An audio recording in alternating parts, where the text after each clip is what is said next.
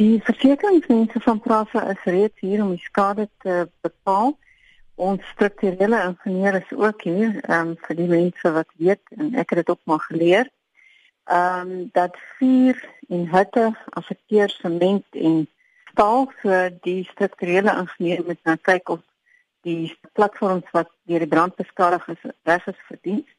Intussen werk ons tegniese spanne om die spore reg te kry sodat ons kan begin om treine toe te laat op die vyf geaffekteerde platforms. Ons gaan later vanmiddag bymekaar kom net vir al die spanne om terugvoering te gee en te kyk wat ons môre vir die spitstyd kan doen. Riana, wat is die skade tot dusver?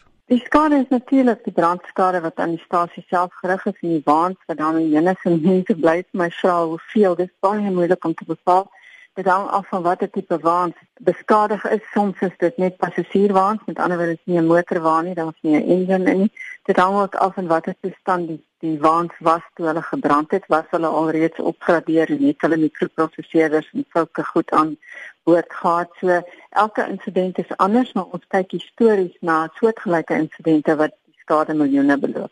Nou uit die aard van die saak is die rede vir elke aanval anders, maar is daar nie 'n deurlopende tema as ek dit sou kan noem vir hierdie aanvalle nie? As ons weet kon mense ten minste iets in plek stel om dit te verhoed. As dit frustrasie is, dan is dit baie kortsigtig om dit te doen want een of ander tyd gaan al die treine opgebrand wees. So ons moet regtig regtig 'n beroep doen op mense. Iemand moet weet wie hierdie mense is en wat hulle ten doel het en wat hulle dink hulle wil bereik daardeur en iemand moet daai inligting vir die polisie deurgee sit ons 'n stop kan sit daarvoor nie net vir ons nie maar ook vir die stad Kaapstad want almal wat trein ry wil graag 'n bestendige en 'n goeie diens sien.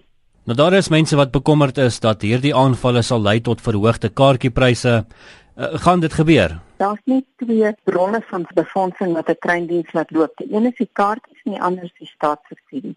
Nou as ons kyk na die staat wat op ehm um, biljoene rand op sy gesit het vir die moderne sasie van die treindiens dan gaan mense ook rekenwys verwag dat hoe meer daar in tegnologie geïnvesteer word, hoe minder gaan die bedryf uh, geld wees wat hulle vir ons gee. So on, enigste ander manier wat ons die die, die treindiens kan volhou is deur tariefverhogings. Daar is 'n horde se ander uh, onderhoudskoste en goed wat ook die hoogte inskiet omdat baie van ons komponente van oorsee afkom, gaan die wisselkoers ons ook raak.